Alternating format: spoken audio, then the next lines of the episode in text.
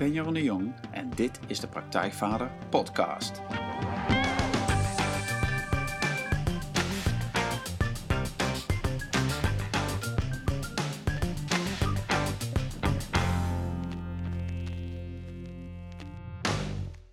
Welkom allemaal bij een nieuwe aflevering van de Praktijkvader Podcast, waarin je, zoals je inmiddels weet, eh, elke week een interview te horen krijgt met een man, met een vader, een inspirerende persoon die jou verder gaat helpen in jouw vaderschap, of in ieder geval die jou dingen aan gaat reiken waarmee je de volgende stap kunt maken in jouw vaderschap en waarmee je de vader kunt worden die je graag wilt zijn die je kinderen gunt.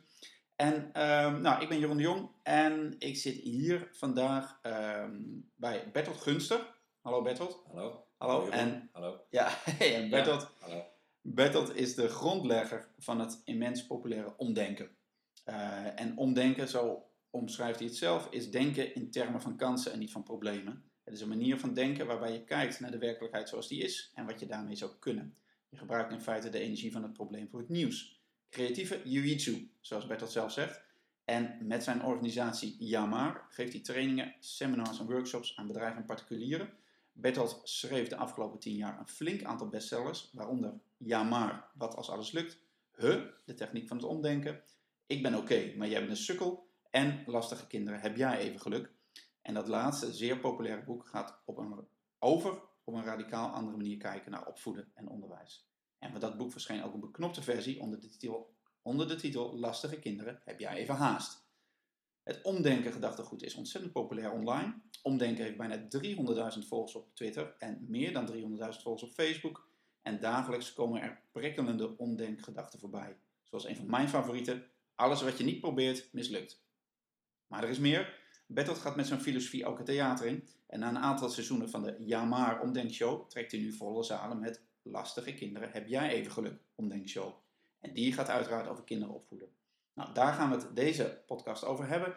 En Bertolt is ook vader van drie volwassen zonen, waarvan de één meewerkt in zijn organisatie, heb ik begrepen. Reden genoeg dus om hem te interviewen.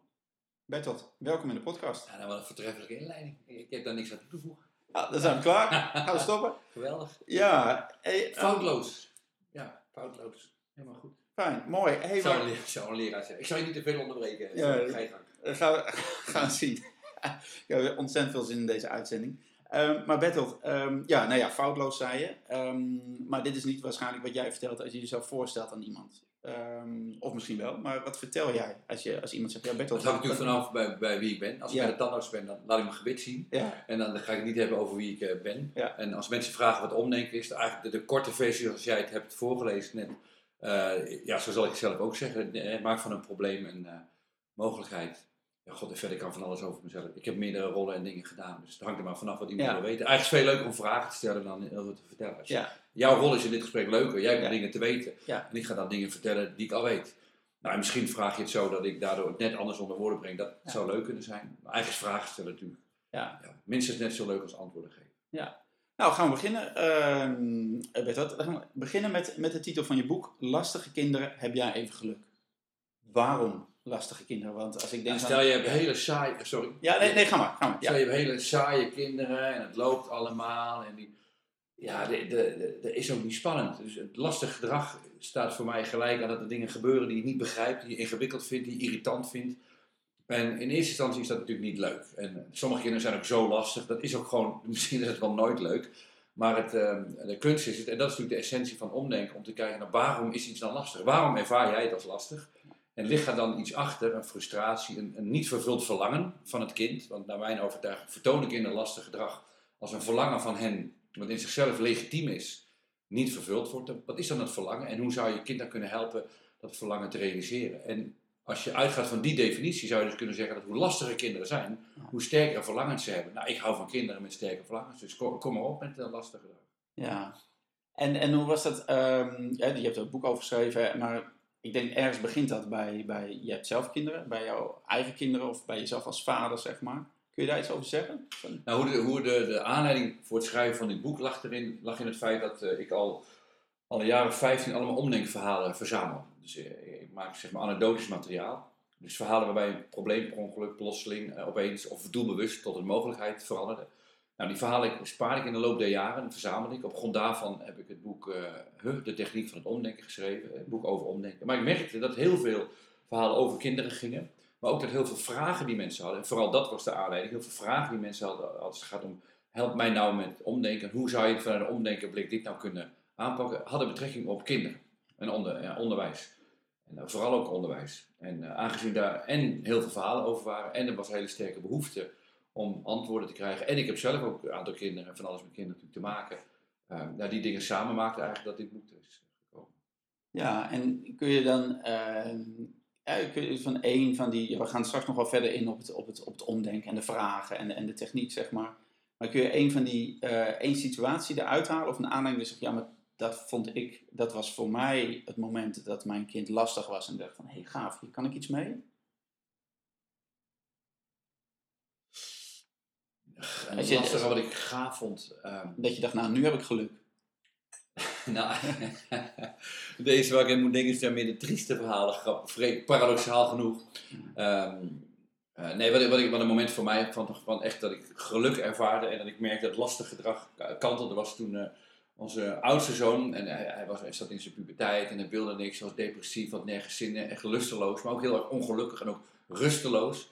En uh, hij kon echt zijn draaien niet vinden. Maar was duidelijk op zoek naar iets. Maar wij wisten niet wat en hij wist niet wat. En we hadden sport gedaan, of voetballen gedaan, dat was allemaal niks. En honkbal was ook allemaal niks. En uh, hij, hij, vond helemaal niks leuk. En, uh, terwijl hij tegelijkertijd heel, heel bewegelijk was. Uh, hyperactief bewegelijk.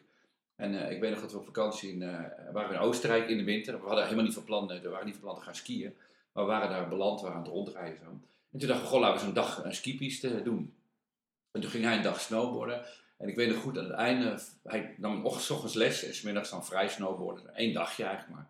En ik weet nog dat ik aan het einde van die dag met hem boven op een uh, bergheuvel stond. En ik had uh, als oude lul natuurlijk skis. Ik had ook een skiklasje genomen, een halve dag en geskiet. En hij had snowboard en hij stond boven aan die berg en hij was helemaal gelukkig. En hij was helemaal in zijn element. En was voor het eerst dat ik, en ik was er echt ontroerd van, dat ik zag dat mijn zoon iets wou. Dat hij een, iets gevonden had waar hij gelukkig mee was. Ja, waarom nou fucking snowboarden? En wat in Nederland natuurlijk niet praktisch is. In het landschap is ook niet echt een berg.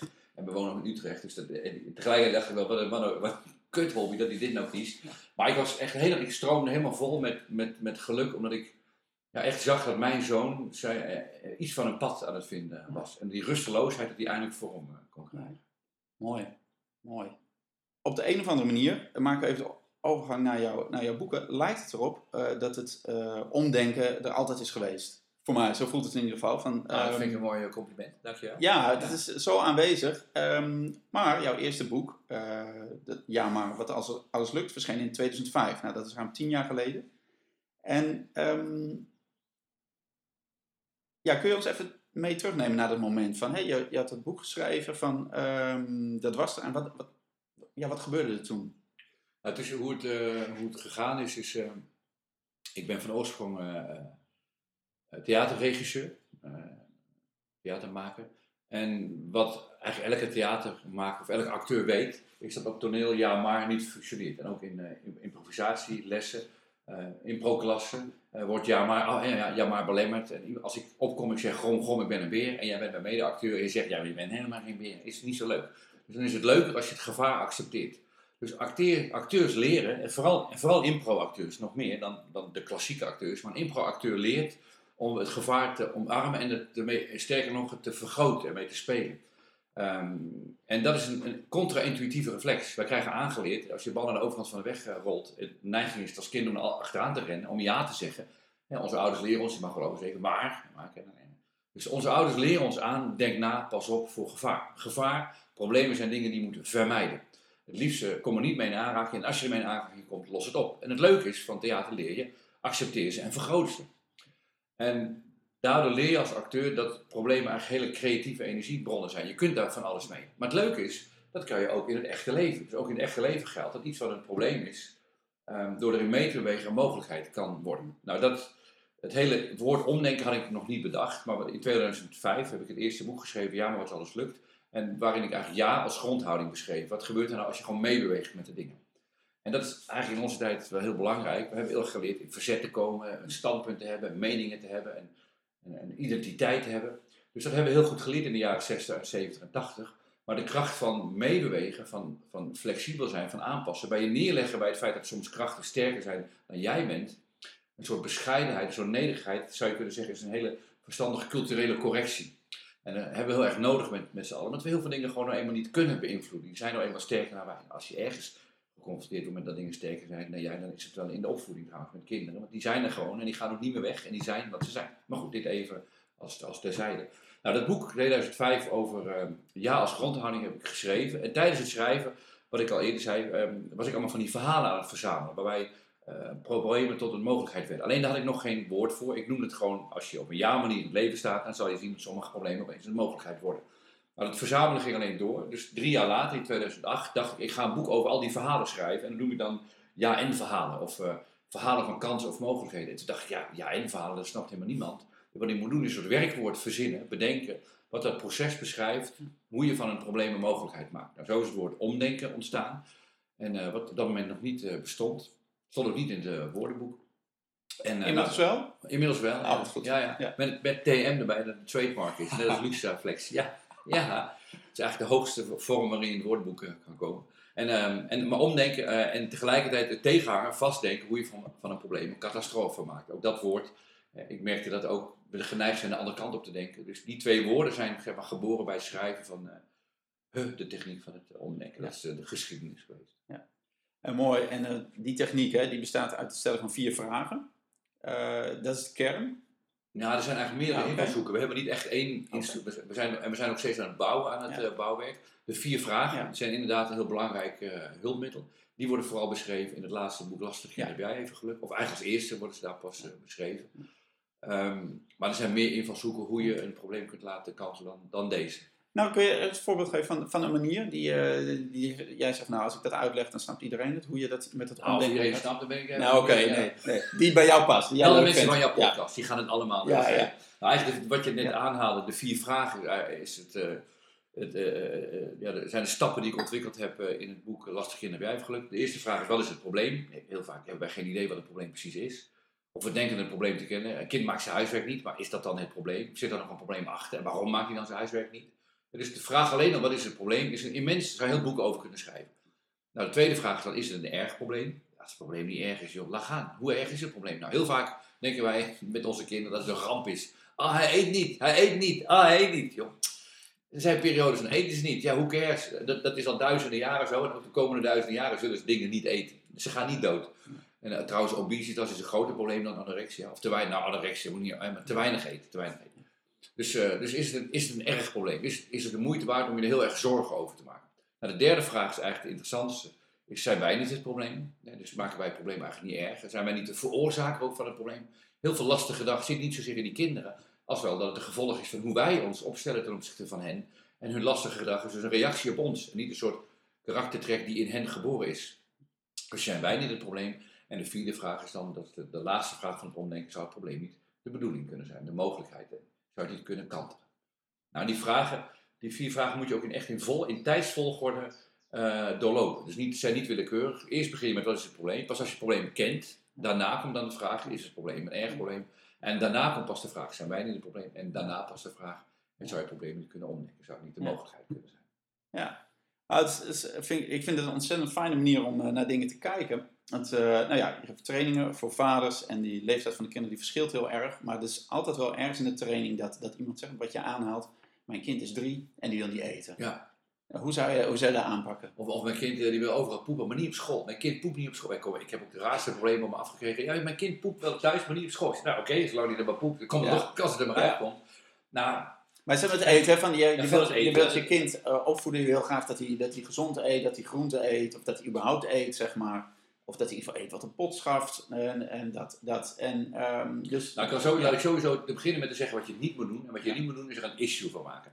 Want als er een issue is, een groot punt, wat kan je voorspellen wat de kinderen gaat gebeuren? Die doen dan lekker niet mee. dus eh, niet eten is heel vaak ook gekoppeld aan autonomie. Gewoon zelf besluiten wat er in dat lichaam gaat. En als je ze van alles voorzet, ja, dan is het bij wijze, is het per definitie in tegenspraak met hun autonomie. zij, zij kiezen daar niet voor. Ze. En zeker kinderen komen in een soort fase en dan willen ze dingen zelf doen. Nou, daar hoort dus bij dat ze weigeren. Dus eigenlijk, ja, mooiste is, feliciteer jezelf met het feit dat je een weigerachtig kind hebt. Want dat betekent dat je kind dat zijn autonomie aan het vinden is. Dat is op zich heel gezond. Hoeveel autonomie heb je zelf nog eh, op dit moment in je leven? Misschien moet je daar eens over nadenken in plaats van je zorgen te maken over, over je kind. Dus dat als eerste. Dan als tweede, eh, van ja, hoe- groot is het probleem dan werkelijk? Het is eigenlijk steeds, wat zijn steeds de vier vragen. Wat is het probleem? Wat is nou precies het probleem? Ehm, en ehm, hoe groot is het probleem nou werkelijk? Mijn schoonmoeder zei altijd, uh, ach, zolang ze komkommer en brood eten, krijgen ze eigenlijk bijna alles wel binnen. Dus ja, hoe groot is het probleem nou werkelijk? Nou, de derde vraag is dan, zijn wij het probleem? Nou, daar heb ik het dus al over gehad. Hè. Nou, je kan er een issue van maken. Nou, de vierde vraag is, zou je niet van het probleem een mogelijkheid kunnen maken? Dus maak er een spel van, of wees er creatief in. Er was bijvoorbeeld één een prachtig mooi omdenkverhaal van een kind dat wilde alleen maar met zijn handen eten. Een heftige strijd erover met die ouders. Maar een van mijn kinderen heeft het ook gehad. Eh, heft, echt wekenlang ruzie. Dat zou ik nou zo anders doen. Ja. Maar toen, dat vond ik belangrijk, ze met een vork leerde eten. Flikker toch op met een vork leren Ja, want zo hoort het. Ja, zo hoort het. Zo moet Er het. zijn heel veel, er zijn heel veel, heel veel, heel veel cu- culturen, daar hebben ze helemaal geen vork. Dan eten ze met stokjes of met handen. En eh, goed, dat vind je, op een gegeven moment dan belangrijk. Je denkt, ik dacht van mezelf, ik ga vader spelen. Dan ga ik ze leren met een vork. Ik ga ze iets leren. Wat, een... Wat een treurigheid. Als ik het over... Er zijn, er zijn in mijn leven niet veel dingen die ik echt anders zou doen. Maar dit zijn van die dingen, die, die zou ik gewoon nooit meer doen. Waarom moet een kind nou per se met een vork eten? Ik ga toch vegetarische hakballetjes, die aten wij dan. Dus, maar goed, er was ook zo'n moeder, die had er ook gedoe over met, met haar kind. Dus gaf dat tot allerlei gezeik op eetproblemen, op, eetgebied. En eh, tot die moeder bedacht, weet je wat, ik ga er niet tegen in, maar laat ik dat nou eens respecteren. Dus wat ze zei tegen haar zoontje, was een jongetje, die zei, weet je wat, hoe zou het nou zijn als we de eens in de week doen we een handen eet maaltijd. En dan maak ik eten en dan eten we gewoon allemaal met onze handen, maar ook alles wat we eten, soep valt dus af, alles wat we eten, eten we ook. Nou, hoewel, waarom niet? En, eh, maar we eten alles met onze handen. En eh, nou, dat vond hij zo natuurlijk geweldig, want die wilde met zijn hand, die wilde alleen maar met zijn handen eten. Dus wat, de effect was tweeledig. Ten eerste, ze zei, ik ging ongelooflijk creatief koken, want die moest dus een maaltijd bedenken die je met je handen kon eten, wat op zich hartstikke leuk was, want ze vond- koken leuk. En haar zoon deed dus perfect mee in die maaltijd. En haar zoon was eigenaar van die maaltijd. Hij had dat bedacht, het was zijn maaltijd. En iedereen mee, deed mee op de manier zoals hij het had bedacht. Dus die zoon was super trots. Wat was het effect? Waar we het helemaal niet meer over hadden. De rest van die week ging hij gewoon met bestek eten. Gewoon het, hele, het was een non-issue geworden. En dan ging het gewoon doen. Ja. Dus nou, zo, zo simpel kan het eh, soms zijn. Ja, dat is mooi, want het lijkt erop hè, van dat we er vaak dan de, van de strijd aangaan of gelijk willen krijgen vanuit wat voor idee dan ook. En zeker die derde vraag die je zegt van zijn wij niet het probleem? Ja, die komt toch heel vaak van je hebt zelf je bagage van je eigen opvoeding en denk je er moet zoiets of niet. Ja, je of juist niet. doen. Of, ja, Je wil wil het goed doen. Ja. Ja. Ja. Dus je hebt een soort ideeën over hoe dingen moeten. Ja. Hoe dingen moeten zijn, is per definitie tegengesteld aan hoe dingen zouden kunnen zijn. En, en omdenken ja, is natuurlijk geïnteresseerd in de wereld van het zou kunnen zijn, niet in de wereld van het zou moeten zijn. Ja. Daar heb je andere stromingen voor. Religies, wetboeken, opvoedingsboeken, disciplines, principes. Ja. Omdenken is meer van de andere. Zeg je, zeg je dan eigenlijk ook van, van doe al die eh, opvoedmethodes of methodieken, doe die maar weg? Nee, helemaal niet hoor. Nee, in tegendeel. En eh, er zijn gewoon heel veel goede boeken. Die zijn met liefde en aandacht geschreven. Het is ongelooflijk goed als ouder om je er bewust van te zijn dat kinderen in fases zitten waarin bepaalde dingen spelen. Om daar wat kennis van eh, te hebben.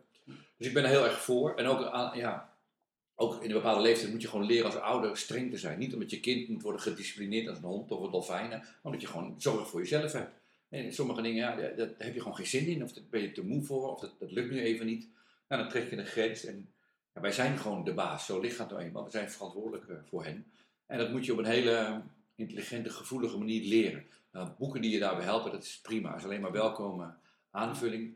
Ehm, ja, probeer het alleen wel allemaal te lezen met, eh, met de lichte relativering. Dat elk kind in elke situatie anders is. En dat eigenlijk het enige wat, waar je wat aan hebt, is jouw intuïtie.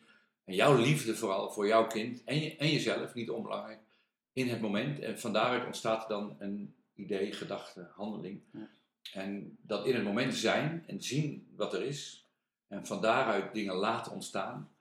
eh, dat is minstens zo belangrijk als wat voor soort bagage je ook in je hoofd eh, hebt.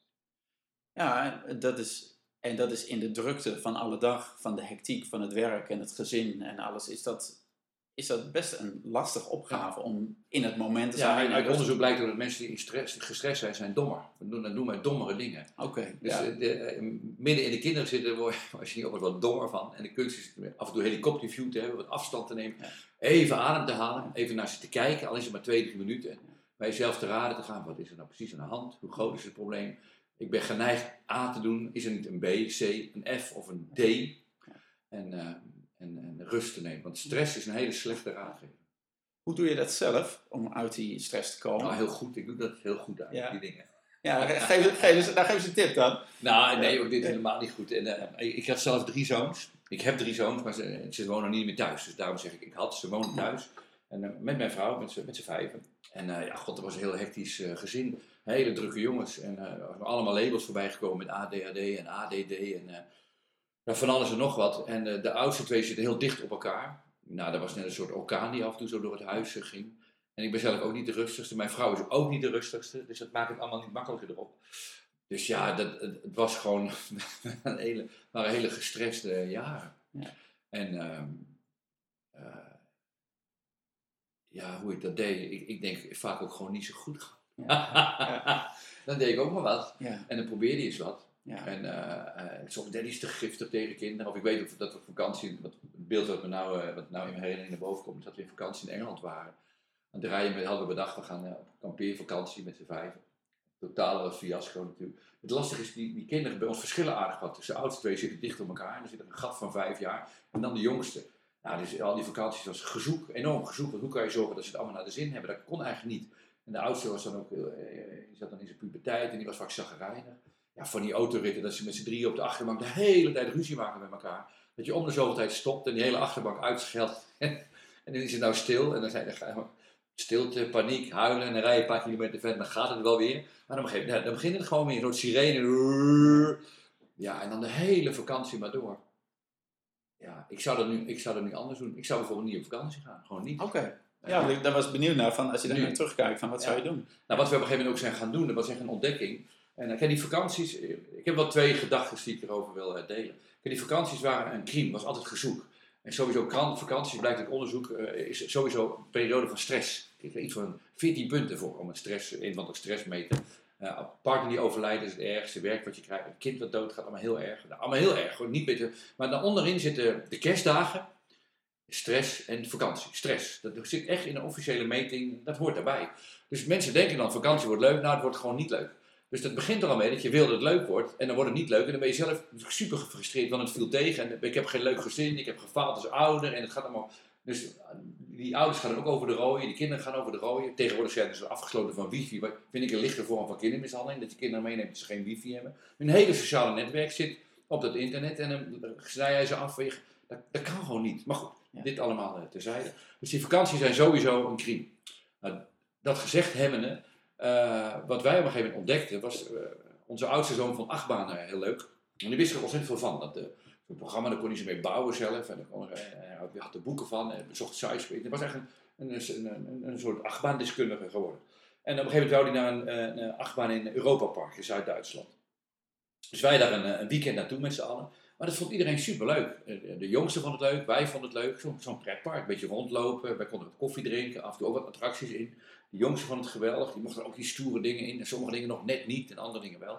Dus het was eigenlijk een hele leuke drie dagen. Net goed, net niet lang genoeg om, om gedoe te krijgen. Dus wat we toen gedaan hebben, een aantal jaren, is we hebben die lange vakanties afgeschaft om drie weken ergens gelukkig zijn. We hebben gewoon langere weekenden gedaan. We zijn naar het pretpark in Barcelona geweest, ergens in Salau daar in de buurt, in Alton, Alton Towers, Alton Towers in Engeland. En dan maakten we nog steeds wat langere trips van. En dat waren superleuke vakanties. Dus het hele idee over wat een vakantie is, uh, wees bereid dat ter discussie te stellen. Want misschien is wel iets heel leukers, veel leukers te bedenken. Dit, dit als eerste tip. De tweede tip, uh, ja, heel simpel, maar dat werkt ook als een trein. Is uh, wat wij deden in vakanties, was op een gegeven moment aan kinderen gevraagd: wat, wat, zou nou, wat zou jij nou, als je een superleuke dag had, hoe zou die dag gaan uitzien? Wat zou je dan willen? Wat zou je leuk vinden? We twijfelden wel of we die vraag moesten stellen, want misschien komen ze met de meest bizarre dingen. Ja. Maar ze mee komen is wat ze willen eten. Wat ze willen eten dat ze nog even mogen spelen als ze opgestaan zijn. Maar hele kleine wensjes wat ze leuk vinden. Sommige dingen als die, die we toch al bedacht hadden, naar, naar een zwembadparadijs. Ja, we hadden al bedacht naar een zwembadparadijs te gaan. Maar dan iedereen mocht zo een speciale dag samenstellen. Zij, maar ook wij als ouders. En de basisafspraak was, iedereen helpt dan om te zorgen dat jij jouw superleuke dag hebt. Dat was het effect. Ten eerste, iedereen, had een, ja, iedereen was helemaal blij die dag, want dat was dan zijn of haar dag. En de anderen werkten daar ook heel erg loyaal aan mee. En we hadden dus sowieso in zo'n vakantie vijf dagen die gewoon heel bijzonder en leuk waren, waarbij iedereen ook coöperatief was. Eh. En wat ook mooi was eraan, dat bedenk ik me nu terwijl ik het vertel, is dat door die vragen stellen ze ook uh, ruimte kregen om na te denken, wat vind ik nou eigenlijk leuk? dat, en dat konden dan hele gewone dingen zijn, zoals uitslapen of even alleen mogen spelen. Van die hele kleine dingen. Dus de vraag hielp, kinderen, hielp onze kinderen ook om te formuleren, wat, wat wil ik nou? Wie ben ik? Waar heb ik nou behoefte aan? Nou ja, op het moment dat, er, dat autonomie is een van de pijlers van mijn boek ook. En ehm, eh, op het moment dat autonomie, dat er ruimte voor gegeven wordt, dat, daar kunnen kinderen zo ongelooflijk coöperatief van worden. Omdat ze gewoon zichzelf gezien weten in wie ze zijn.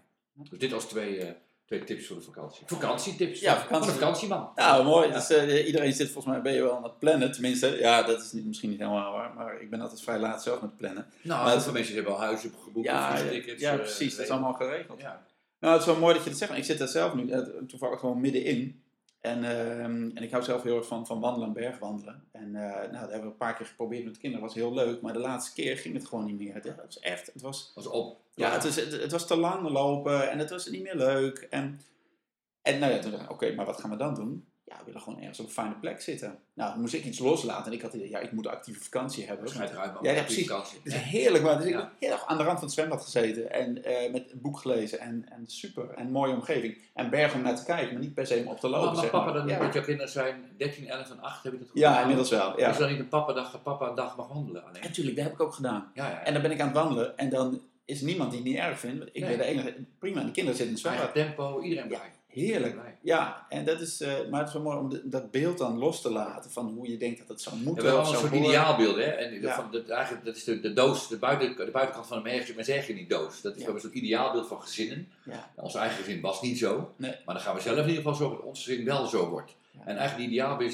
zitten eigenlijk in de weg, want ze verhinderen je eigenlijk gewoon te zien wat er is. En je bent steeds bezig met wat er zou moeten zijn. Ja, dat is Ja. frustrerend. Want er is is vaak al zo mooi. Als je gewoon kijkt naar wat er is. Er is vaak al een mensen in die doos. Je moet alleen, eigenlijk moet je alleen een goede invalshoek voor de foto eh, kiezen. En misschien ook een ander plaatje bedenken dan normaal gesproken of zo min niet de doos staat.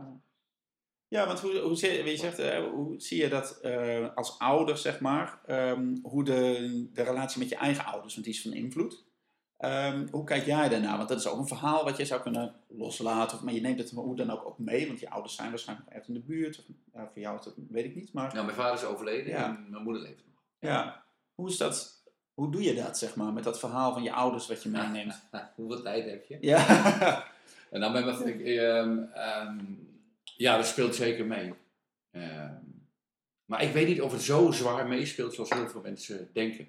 Ik denk dat sowieso je, je prins voor wat een relatie is, voor de gelegd in je jeugd. Maar die zet je dan ook door in je vriendenkringen, je kenniskringen, je werkrelaties. Dus ik denk niet dat je jeugd daarin nou zo, dat dat de beslissende factor is. Ik denk dat je in je jeugd dingen leert over wat een relatie is en dat je die voortdurend gaat uitzoeken, gaat proberen. Sommige dingen laat je los, andere dingen leer je bij. Maar wat mij, eh, wat mij eh, als je het hebt over boeken die mij beïnvloed hebben, dat boek van Jan Geurts, eh, Verslaafd aan Liefde, heeft mij enorm beïnvloed. En daarin, eh, ja, erkenning is daar het centrale woord in. En wat ik heel goed vind van zijn boek, is dat hij het ook uitgebreid heeft over afwijzing.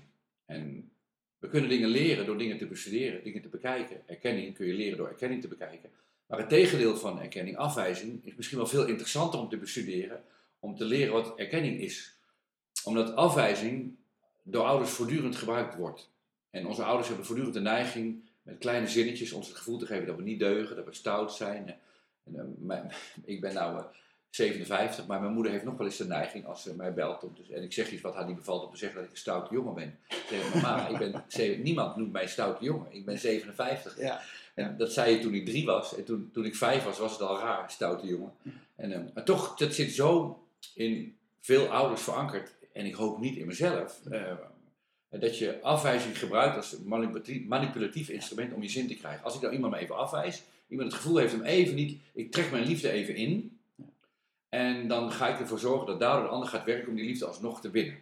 Nou, dat is een heel, ja, heel, heel treurig, ziek patroon. En eh, nou, ik ken het van mijn jeugd. En eh, eh, als zoon heb ik met mijn vader niet zozeer. Mijn vader, mijn vader was geen held of geen god, maar mijn vader was echt absoluut een hele fijne vader. Ik heb er hele warme gevoelens aan. Hij herkende mij ook helemaal in wie ik was. En eh, had ook helemaal zo vanaf de grond af aan zo'n houding eh, van, nou, hij, hij zoekt het zelf maar uit, dat komt wel goed. Als hij me nodig heeft, dan geeft hij maar een gil. Eigenlijk een beetje zoals de vader van Pietje Bel of de vader van uh, Pippi Langkous. Zo'n vader die er altijd is op de achtergrond en die jou gewoon heel veel ruimte geeft. En ook ongelooflijk veel vertrouwen dat je heel veel kan. Ja. En, je, maar je moet wel doorzetten, je moet heel erg je best voor doen. Maar als jij dingen wil, ik, ik steun dat onvoorwaardelijk. Dat, dat heb ik van hem meegekregen. Dat is een heel groot geschenk. Mijn moeder is iets, ik ga naar mijn woorden wat tactisch ja. kiezen, um, heeft een, iets, een, een, beetje een handleiding, zeg maar. En als het met name als het gaat om afwijzing, ja, dat, dat, is, dat is haar manier om op te voeden. Dat is een hele nare manier. En als kind moet je daar dus een weg in zien te vinden. Want echte liefde zou je gewoon, heb ik van mijn moeder nooit echt uh, gekregen. En dat, dat, ik heb het later wel eens met haar over gehad. Dat kan ze nog steeds niet echt of, of nauwelijks. Ze erkent ook dat het zo is uh, gegaan. En als kind heb je dan een neiging om die liefde te gaan winnen, om toch je best te doen. Dus dat, dat soort patronen ben ik. Ik ben allerlei patronen gaan ontwikkelen in mijn jeugd om maar te zorgen dat zij mij aardig vond, dat ik, dat ik mijn best deed, dat ik een goede jongen was. Nou ja, daar heb je dan een heel leven de tijd voor om dan langzaam dat weer uh, af te leren. Nou, die patronen van, van uh, uh, niet afgewezen willen worden en eigenlijk de hunkering naar erkenning die daar de motor van is. Want je wil niet afgewezen worden, omdat je natuurlijk wel erkend wil worden. Nou, die patronen, de, ja, ik denk dat iedereen daar last van heeft in meer of mindere mate. Iedereen wil het liefst geliefd en erkend worden. En ja, je kan wel heel stoer en flink zijn, maar in de kern zijn we allemaal heel erg breekbaar. Als onze naasten niet meer van ons houden, dat is verschrikkelijk, dat is heel erg. En dat is als kind zo, en dat is als volwassene zo. Dus dat we kwetsbare wezens zijn, is heel goed om te beseffen. En dat we hunkeren naar erkennen is dus, erkenning is dus een heel belangrijk en fundamenteel inzicht. En als je het hebt, dat is jouw vraag, wat neem je dan mee in je jeugd en hoe zet het zich door in de opvoeding? Ja, ik hoop me daar bewust van uh, te zijn. En... Uh, maar dat is, dat is, dat is iets, daar kan je, mag je, daar mag je heel lang over doen met z'n allen. Dit zijn, ingewikkeld, dit zijn ingewikkelde dingen om te, om te leren begrijpen hoe het werkt. Vooral, vooral in jezelf ook. Ja, ja en, dat, oh, dat, en dat nou, ben ik met je eens. En ik ken het zelf ook. Ik zie het in mezelf. En ik zie ook bij de mannen die, die, die ik zie in de training. Zeg maar. maar de vraag van, van als je dit bewust bent, dat is één. En wat is dan, um, als je dan naar je eigen kinderen kijkt, hè, van het algemeen, jij misschien als vader, van je zei er al iets over dat je wel bewust die erkenning uh, hun wil erkennen van wie ze zijn, die autonomie belangrijk uh, vindt, zeg maar. En hoe doe je dat dan? Hoe, hoe erken je je kinderen voor wat ze zijn? Dat is, dat is een hele. Is misschien wel een van de beste vragen die je kunt stellen als vader of als ouder. En het begint ermee dat je diep van binnen besluit dat je kind helemaal mag zijn zoals het is. En dat het goed is zoals het is op dit moment. En dat jij niet hoeft te helpen om een beter iemand te worden, of een soort perfectere vorm van zichzelf, of zichzelf uit te vinden, of moet helpen ergens naartoe te gaan. De kunst is het, het kind te erkennen zoals het is, inclusief al het gedoe, alle, inclusief alle onhandigheden. En heel veel dingen die wij positief vinden, zoals complimenteren, troosten, wat, wat helpende krachten lijken te zijn, zijn in feite, als je ze beter bestudeert, afwijzingen van het kind zoals het op dit moment is. Je hoeft niet te huilen, kom maar hier. Waarom zou een kind niet hoeven huilen? Dat, klinkt heel aardig, je hoeft niet te huilen. Nee, uh, het is huilbaar, het is goed dat je huilt. En, uh, en als een kind zich machteloos voelt, erken maar dat een kind zich machteloos voelt. Moet je niet zeggen, dat komt wel goed en uh, dat lukt je wel. En als een kind zich gepest voelt, dan moet je niet mee naar school gaan en het andere keer op de bek slaan. Zeggen, sla maar van je af. Allemaal vormen waar je het kind afwijst. Maar eh, leef met het kind mee en erken hoe naar het is om gepest te worden. En wat er dan daarna mee gebeurt, en dat zien we dan wel weer, maar dat is niet, helemaal niet aan de hand. En dat is zo ongelooflijk moeilijk, want we willen natuurlijk helpen. We willen iets betekenen voor. Je hoeft helemaal niks, je moet er gewoon zijn. Dat je hoeft niet iets te betekenen. Je, je betekent al iets door er gewoon voor je kind te zijn. En nou een heel simpel voorbeeld te geven. Ik hou van voorbeelden, want voorbeelden geven je beeld van hoe dat dan werkt. Er was een keer een man na afloop van een lezing, die, uh, in, uh, in, Groningen gaf ik een lezing en die vroeg, uh, stelde mij de vraag, ja, mijn zoon wordt gepest. En uh, door een aantal kinderen. En hij kan niet zo goed van zich afslaan. En dan heb ik hem geleerd hoe hij zichzelf kan verweren. Uh, heb ik hem ook een soort, een soort trap geleerd, hoe hij dat dan moet doen, van zich afschoppen. En ik had het geoefend met mijn kind. En uh, ja, de volgende dag kwam hij thuis, was hij weer gepest en had het niet gedaan. Wat nu? En toen had ik, ik had ontzettend met die man te doen en, en ook met zijn zoon, eigenlijk met allebei. Dus wat ik zei tegen hem, moet je voorstellen, je bent jouw zoon. Verplaats je even jouw zoon, die wordt gepest. Dat is heel erg. Dat is heel erg. Dan komt je vader eraan en die gaat, jouw vader gaat je helpen. Een soort ridder.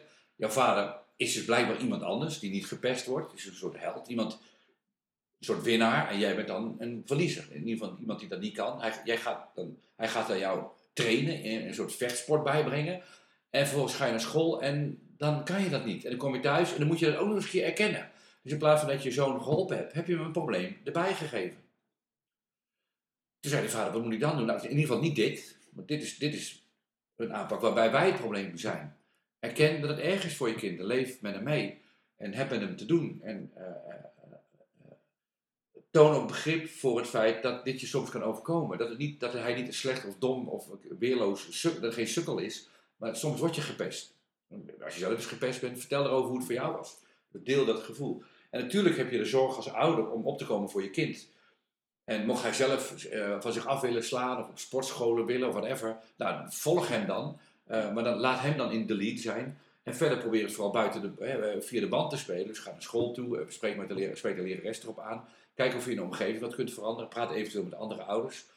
Als het een groot probleem is. is het sowieso natuurlijk wel een groot probleem, zo heel belangrijk. Of als het een keer eenmalig pesten, ja, dat hoort er ook eens een keertje bij. Kan wel eens een keer gebeuren.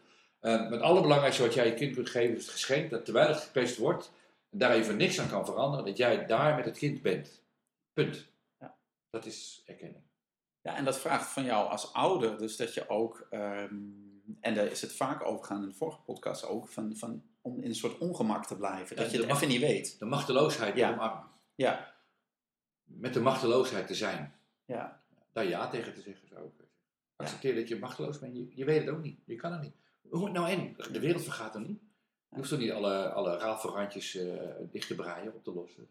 Ja, dat klopt. Dat, is, uh, dat sluit ik mee maar bij aan. Ja, ja en dat, is, dat staat een beetje tegen, gaat een beetje tegenin ons idee, en misschien ook wel van deze generatie, van, van, van dat we alles moeten weten of er is zoveel informatie. Het leven zou maakbaar moeten zijn. Ja, en er is zoveel informatie is altijd wel ergens iets te vinden om mijn probleem op te lossen. Ja. Terwijl deze dingen die vragen juist van... Dat klopt, is ook wel te vinden, maar dan ben je net weer te laat. Of het is veranderd, of het past niet op jouw zoon. Er is van alles te vinden. Als je, gaat, als je gaat zoeken, als je kind 18, ja. is het ook niet meer echt nodig. Dus je moet, je moet dus de ellende van kinderen brengen. Je moet natuurlijk voortdurend in het hier en nu een, een reactie, een passende reactie vinden.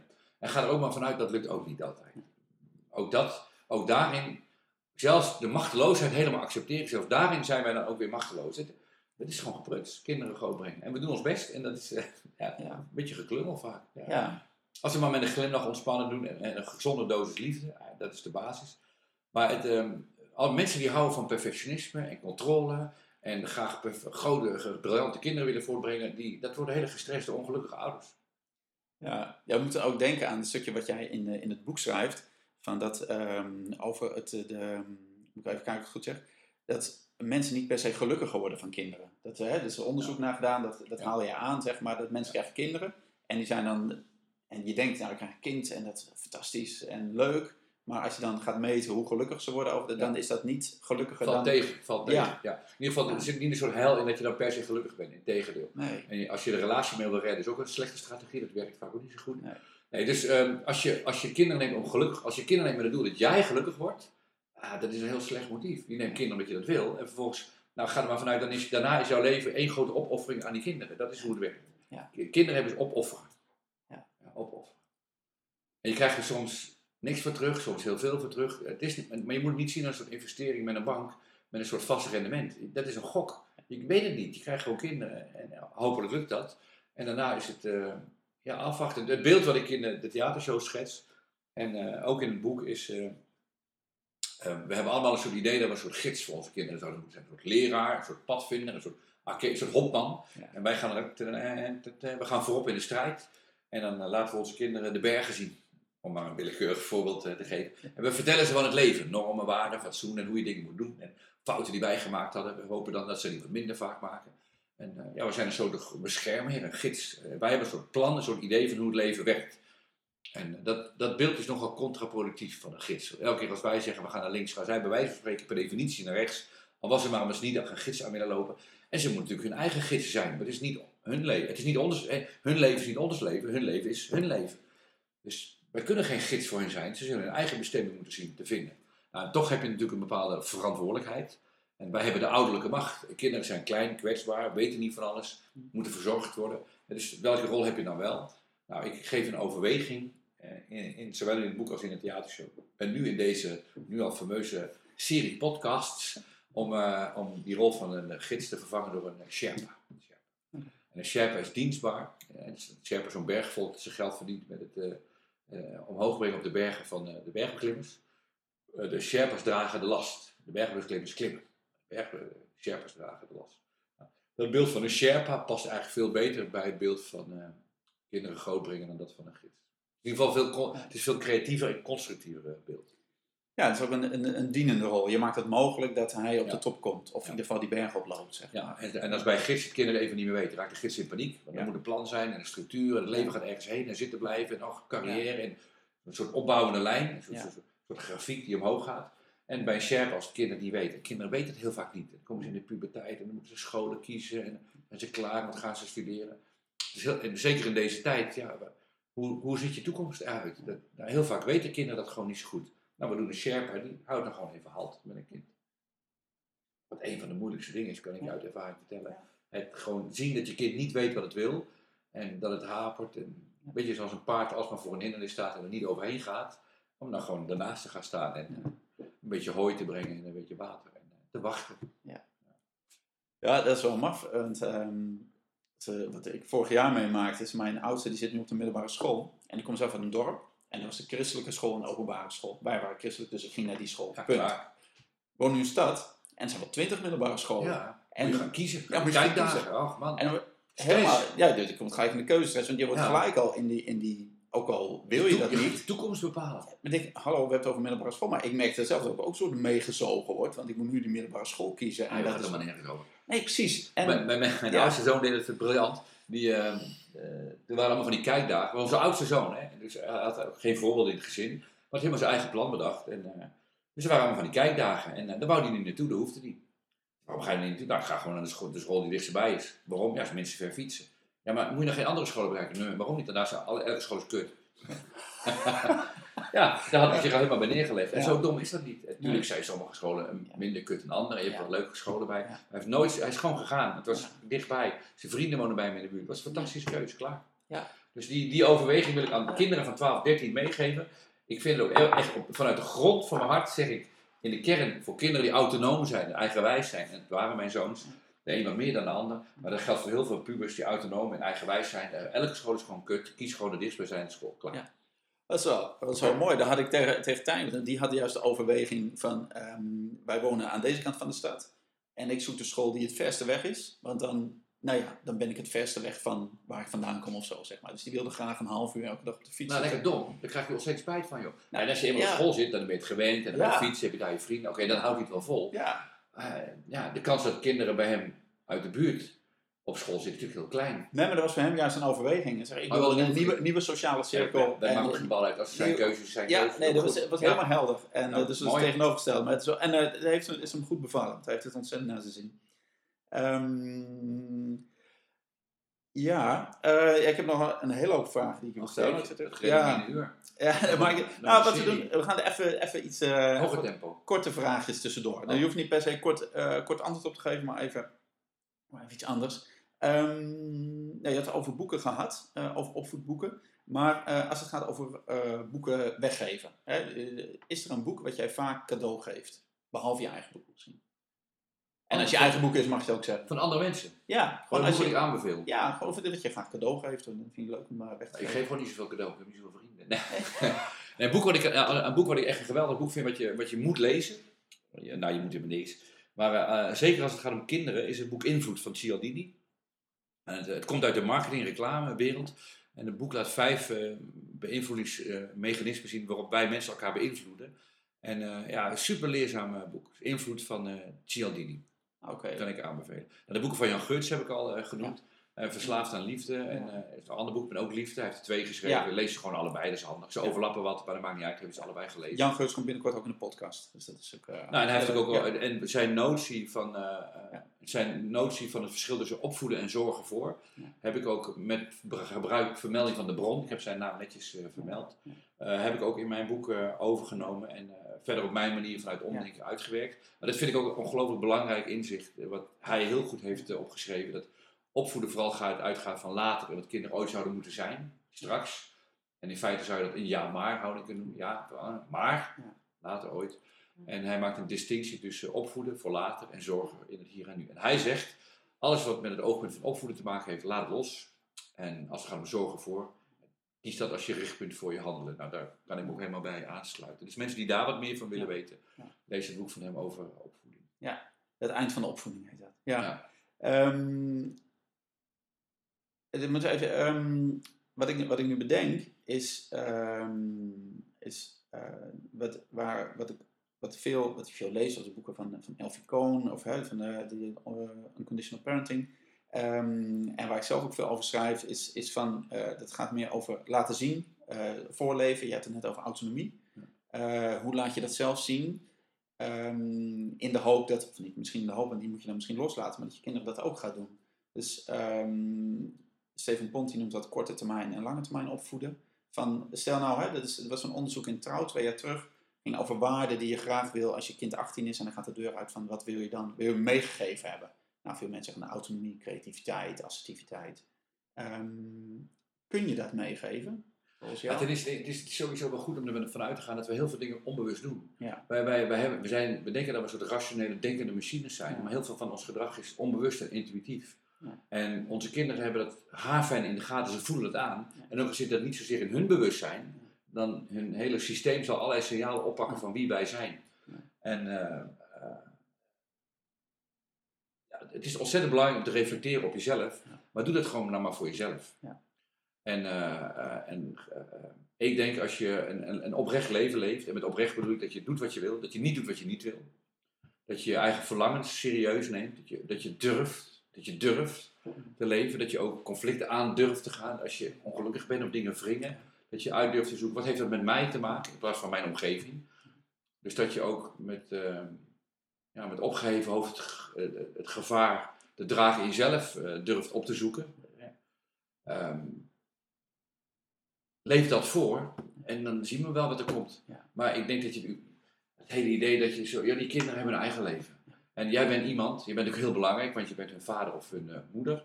Eh, dus jouw rol is ongelooflijk belangrijk. Maar je, ze hebben ook allerlei andere manieren, andere, allerlei, mensen, allerlei andere mensen waar ze gaan kunnen spiegelen. Ze hebben ook zichzelf waar ze gaan kunnen spiegelen. Zij zijn ook iemand anders dan jij. Dus zij mogen ook gewoon iemand anders worden dan jij.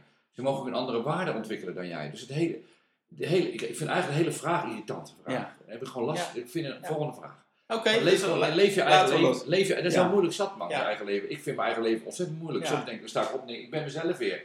En Ja. dan ga ik weer met mijn eigen gedoe. En dan moet ik weer van alles voor mezelf. Heel vermoeiend. Ja, maar dat, dat is denk ik... eh, ik wil het laat leven mijn kinderen maar eens een beetje voor hoe ik zou kunnen zijn. Ja.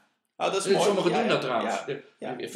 Van, eh, Jochem, mijn middelste zoon, heb ik heel veel dingen geleerd. ja. Dus veel als we nou het er toch over hebben over het onderwerp. Veel interessanter vraag, wat kan je van je kinderen leren? In plaats van wat wil jou... Het hele idee dat je kinderen dingen aan kunt leren. Die kinderen worden gewoon als briljante Ja. wezens geboren. En eh, daar stoppen we allemaal gedoe in, taal en dingen die moeten. Sommige dingen werken, sommige dingen zijn onhandig. Maar kijk gewoon eens wat je als, als, als, als parels gewoon binnengeschoven krijgt. Dus de rol is veel interessanter. Neem kinderen en kijk wat jij van hen kan leren. Ja.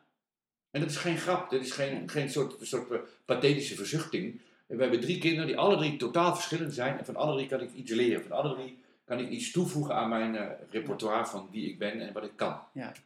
Ja, dus de vraag is helemaal niet interessant. Draai gewoon om. Het, Ja. eh, het is ook veel leuker dat je aan je kind kunt zeggen wat ik nou voor jou heb geleerd. Of waarin jij voor mij een voorbeeld bent, is toch veel leuker. Ja. In plaats van, nou, dankzij mij hebben ze leren doorzetten. Dat hele idee van doorzetten, ook zo kotsmisselijk van. eh, heel veel ouders zitten dat met, vooral mannen met de kinderen moeten leren doorzetten. Flikker op, kinderen moeten leren doorzetten. En dat hele idee dat een soort leven, het leven een soort pijn is en lijden, dan moet je doorgaan. Weet je, ik vind, als we het nou toch over doorzetten hebben, doorzetten is belangrijk, maar eerst passie, verlangen, weten wat je wil, eh, verbinding leggen met een kern in jezelf, waar jij, wie jij bent en waar je leven zich naartoe ontwikkelt. En dan ga je doorzetten. Je gaat geen Duits leren om dan te leren te bewijzen dat je voor je ouders kunt laten zien dat je Duits kunt leren. En dan kijk je kan doorzetten met Duits. Dan krijg je heel veel Duits. Je wil misschien helemaal nooit naar Duits, want nooit Duits praten. Er is helemaal geen Duitse televisie wat je hoeft te kijken. Dus Duits. Waarom Duits? Daar word ik zo boos van. En, eh, dus ik vind, dan moet je, je moet, je moet als je dan kinderen al dingen leert, dis- leren, leer ze met dingen te stoppen. Om geen discipline te hebben. Gewoon om lui te zijn. Lui is heel belangrijke, onderschatte vaardigheid, lui. Nou goed, ik, ik, ben- Ja. ik kom langzaam een beetje op drift, denk ik niet kwalijk. Maar de- dus Ja. de- om mij heen zie ik ook wel, denk ik, de intelligente ouders die zo'n set ideeën hebben van wat succes is. Die zijn gebaseerd op de jaren 60 en 70. Zij gingen naar de universiteit, daar hadden ze gewoon banen en dat werkte dan zo. Maar die wereld is er niet meer. En alle mechanismen die toen succesvol waren, die zij zichzelf hebben aangeleerd, die gelden nu niet meer. Als een kind zit je in een totaal andere wereld. En wat dan wel geldig is, ik heb geen idee. Ik weet het ook niet. De grappigste kinderen weten het ook niet. Die zijn er met elkaar een beetje in deze tijd aan het uitvinden. Het enige wat wij kunnen doen is gepast afstand nemen en zeggen, wat jullie willen, we zullen jullie steunen. Maar welke normen, waarden, disciplines en principes belangrijk zijn in jullie leven, dat is aan jullie. Dat is niet aan ons. Heerlijk. Punt. Heerlijk. Bevrijdend. eh. Ja, eruit. Ja, Ja. mooi. ja, dat is zo grappig. Ik was op school, Ja. ik ga nog even door, Ja, zonder vragen, maakt niet uit. En ik was op school, de middelbare school, en ik vond, het, ik vond het een hel, ik vond het echt verschrikkelijk. We zaten in de zeven en achtste uur, en in mijn boek schrijf ik Duits, want dat vond mevrouw verstandig, eh, het was Latijn, maar goed, dat doet er niet toe. En eh, ja, die zei, dat moet je niet opschrijven, oh, uh, gymnasiast. Maar goed, het was Latijn, en het, maar het had ook Duits kunnen zijn, dat maakt niet uit. Maar als ik eerlijk ben, het was Latijn. En ik vond het verschrikkelijk, zeven en achtste uur, zesde uur hadden we gym gehad. Lekker buiten en spelen. Het was mooi weer, de zon scheen en de ramen stonden open. Buiten was het prachtig mooi weer. En we zaten 7 en 8 uur Latijn te doen. Ik was ontzettend boos, gefrustreerd en geïrriteerd. Het is wel een hele lange dag. En dan zo, zo'n tempo.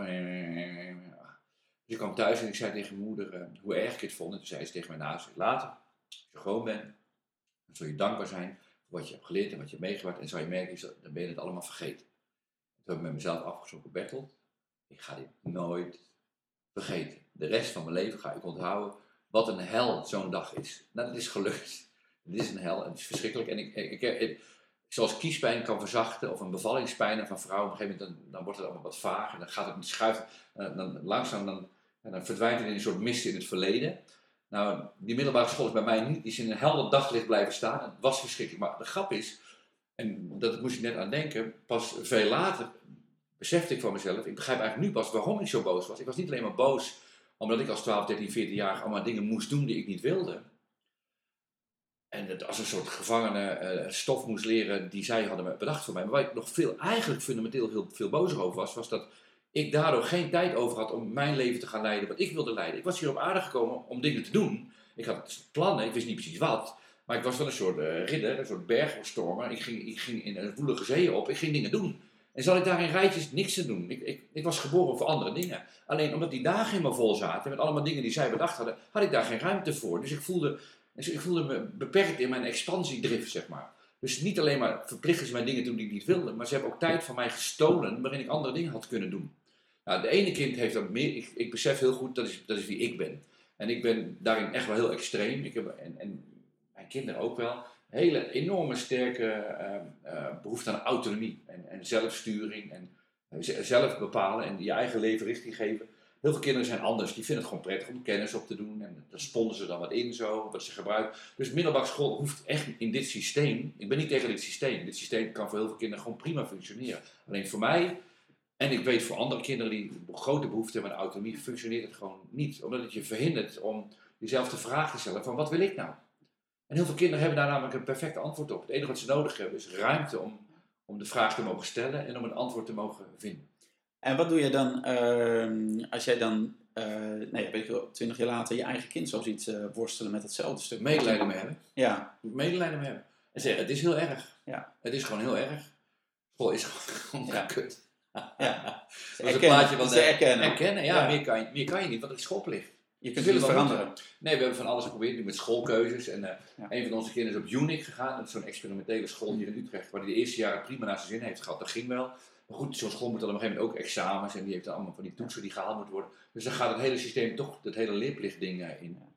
Eh, dus ja, daar werd, werd het ook weer gedoe. Dus eh, ja, vooral heel erg met ze te doen eh, hebben. Ja, en dat is dus, en hè, dat is ergens dan denk je, ja, maar dat kan toch niet, want je moet je kind toch motiveren, maar hij zegt gewoon niet doen. Nee, je kind is ongemotiveerd en dat is gezond. Ja, Dat is heel intelligent gedrag, ongemotiveerd zijn.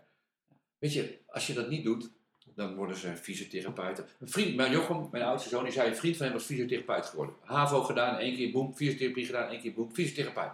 Die werkte als fysiotherapeut in de praktijk, of was hij als 21-jarige mee begonnen.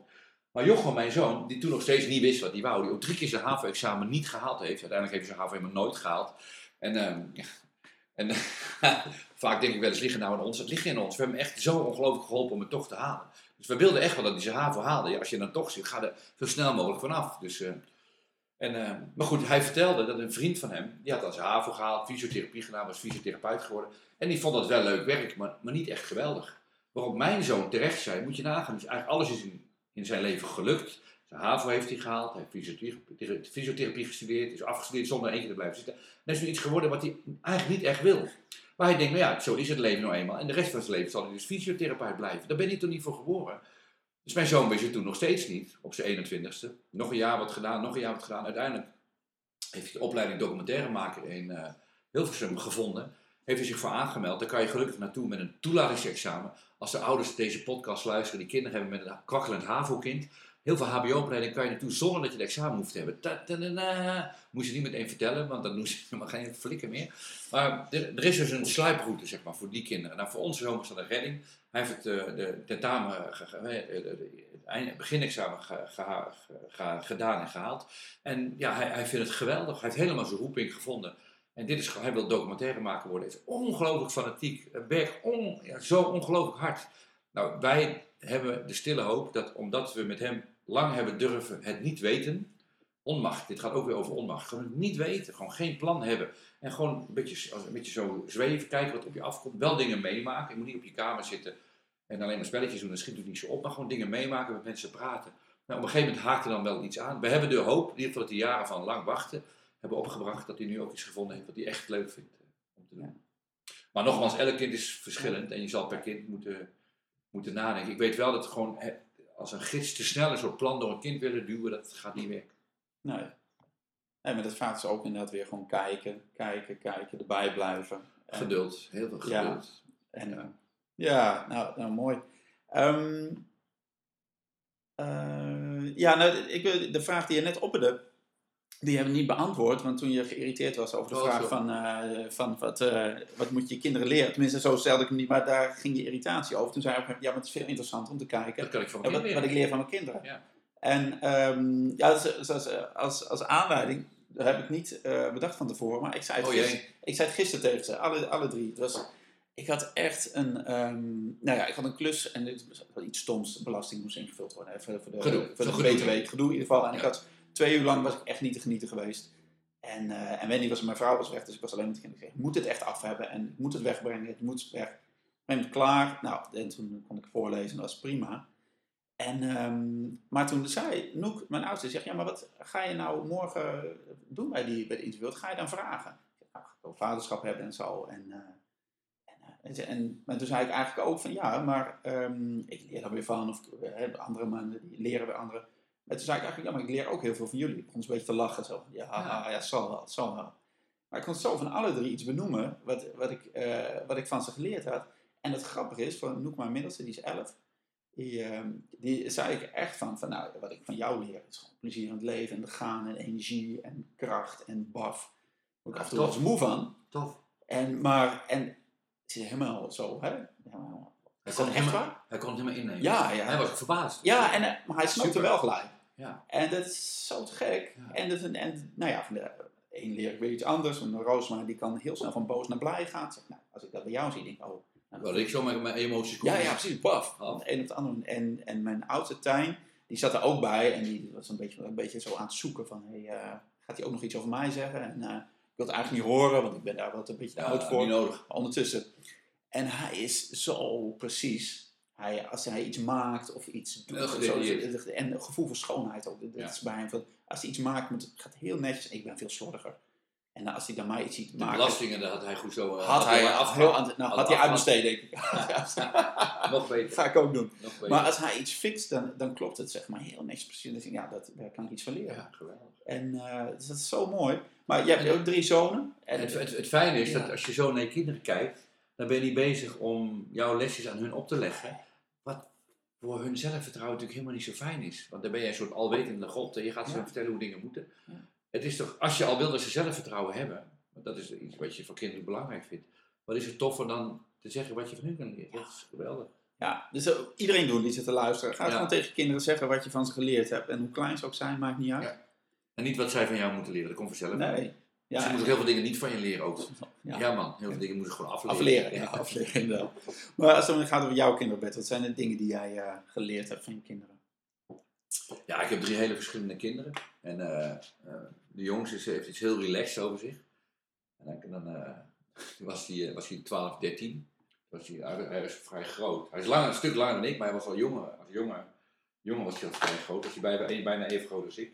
En ik kwam weer thuis en had ik net een, lezing gedaan voor 200, 300 mensen. En dan, uh, dan voelde ik me helemaal de king. En ik kwam weer thuis en dan sloeg hij zijn hand zo mijn wang en zei, zo, hè, heb je lekker een showtje gegeven? Dus die kon daar zichzelf enorm boven verheffen. Maar dan met een, met, een soort speel, die is echt een geboren leider. En die gaat ook gewoon ergens de baas. Hij zegt ook, ik word ergens de baas en dan word ik miljonair. Wat ga je doen? Nou, dat komt wel. En uh, hij heeft nog steeds geen idee. En hij is ook nog nergens de baas. Hij is 21, is zijn leven nog ongelooflijk zoekend. Maar die uh, echt enorm groot overzicht over dingen. Over groepen mensen ook, over situaties. Doorziet patronen en uh, is echt een geboren, geboren leider. Heeft ook iets heel relaxed daarin. Maar inmiddels heel erg creatief. kan, kan patronen doorzien, systemen doorzien. is heel goed in muziek en vormen. Ongelooflijk veel data in zijn hoofd hebben. Hij is niet met een documentaire bezig, maar al die shots, al die, al die beelden die hij gemaakt heeft, dat zijn echt tientallen, honderden. En uh, het zit helemaal, al die dingen zitten in zijn hoofd. En hij kan ook uh, in zijn hoofd kan die dingen van begin tot eind zit hij helemaal zo te monteren in zijn hoofd. Dat was een enorm groot bouwwerk. Als kind kon hij ook puzzels van 500.000 stukjes. Die maakte klik, klik, klik, klik, klik. Dus die, die is ongelooflijk goed in vorm en beeld. En uh, de oudste is, ja, is, is, heel slim. Is echt een hele hoogbegaafde, hyperintelligente jongen. En wat, wat, wat, ja, het duurt, duurt wat langer voor hij uitbossert, zeg maar, voor hij echt naar buiten durft te treden. Is wat voorzichtiger, maar uh, heel slim. En uh, hij zit ook bij ons in, in onderneming. En, nou, het is een soort familiebedrijf. Mijn vrouw zit er ook in. En Anne Margreet en de oudste heet Jan. En wij met z'n drieën, wij vormen eigenlijk het hart van de organisatie. Elke keer als er nieuwe theorieën of bouwen, toneelstukken, theatervoorstellingen of boeken gemaakt moeten worden en vaak als het gaat om het ontwerpen van de inhoud, dan gaan we met z'n drieën bij elkaar zitten. En dan zijn wij gewoon drie gelijkwaardige gesprekspartners. Dan, hij is gewoon, dan voelt hij als een eh, collega, als een, iemand die even oud is als wij. Het is mooi om op die manier te werken. Ja, heel tof. Ja. ja. Het zou leuk zijn, uh, we, met mijn vrouw ook wel uitgesproken, het zou leuk zijn als ze alle drie de zaak uh, komen. Ja, god, als ze toch iets moeten. Dan heeft die oudste meteen iets waar hij de baas van kan uh, zijn. Ze moet nog wel iets ouder worden, maar en dat zou heel leuk zijn. En als het kan is ook tof, als ze het willen is ook leuk, maar het is niet zo dat, het dan per se, dat we dat per se voort moeten zetten. Als het zo gaat, dan gaat het sowieso niet, is het, uh, is het ook goed. Ja, ja. het is een modern uh, alternatief familiebedrijf. Ja, dat is de, de, de, die broers van Van Bommel, die de schoenenfabriek voorzet. Ja, en dan gewoon daarna echt, echt een mooie schoenen gaan maken. Dat is, wie weet wat zij nog uh, hier gaan doen. Maar god, dat is, dat is, dat is aan hen en niet aan ons. En, maar het zou leuk zijn als ze het kunnen voortzetten. Ja, ja. Nou, mooi. Um, ik, um, ja, ik wil nog één um, vraag naar aanleiding van het boek over je stellen. Um, dat naast die vier vragen die we aan het begin van het interview behandeld hebben, geef je in het boek aan het eind geef je ook nog heel praktisch 15 strategieën om, ja. uh, om om te gaan. En die verdeel je weer in een, in een aantal vier groepen. Vier groepen. Ja. Uh, gaan die 15 niet bespreken hier hoor, maar um, kun, je, kun je er één of twee noemen die, die je erg relevant vindt als het gaat om, om als het om de van kinderen Ja, nou, de, ik, ik, zal er twee noemen. Eentje is elimineren, de strategie van elimineren. En elimineren betekent dat je stopt met dingen die niet werken. Okay. Uh, is een geweldige uitspraak. Hij wordt toegeschreven aan Einstein, maar schijnt niet van hem te zijn. En die uitspraak is insanity, dus waanzin. Insanity is doing the same things over and over again. Als we hetzelfde doen en expecting a different outcome. Verwachten dat er iets anders zal gebeuren. Nou, dat zie je met name in opvoeding.